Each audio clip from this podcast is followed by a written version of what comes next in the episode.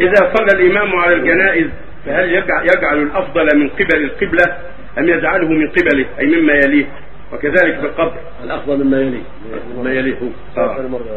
آه. نعم سؤال ثاني مرة إذا صلى الإمام على الجنائز فهل يجعل الأفضل من قبل القبلة أم يجعله من قبله ما أدري كده زي مما يليه عن بين قوسين ما يليه. من قبل كان رجل ومرأة كذلك في القبر يجعل يجعل الرجل أيوه. يليه والصبي للرجل ثم المرأة وراء ذلك من جهة القبلة أيوه كجنائزهم الصف الأول الرجال أيوه والذي يليه الصبيان ثم النساء متأخرا حس- كأي كالجنائز كأي- مثل مثل الصفوف كأي صلاة يعني مثل الصفوف أيوه يلي يلي الإمام الرجال مم. ثم يلي الرجال الصبيان في الجنائز أيوه آه. ثم النساء إلى جهة القبلة أيوه. هذا هذا هو السنة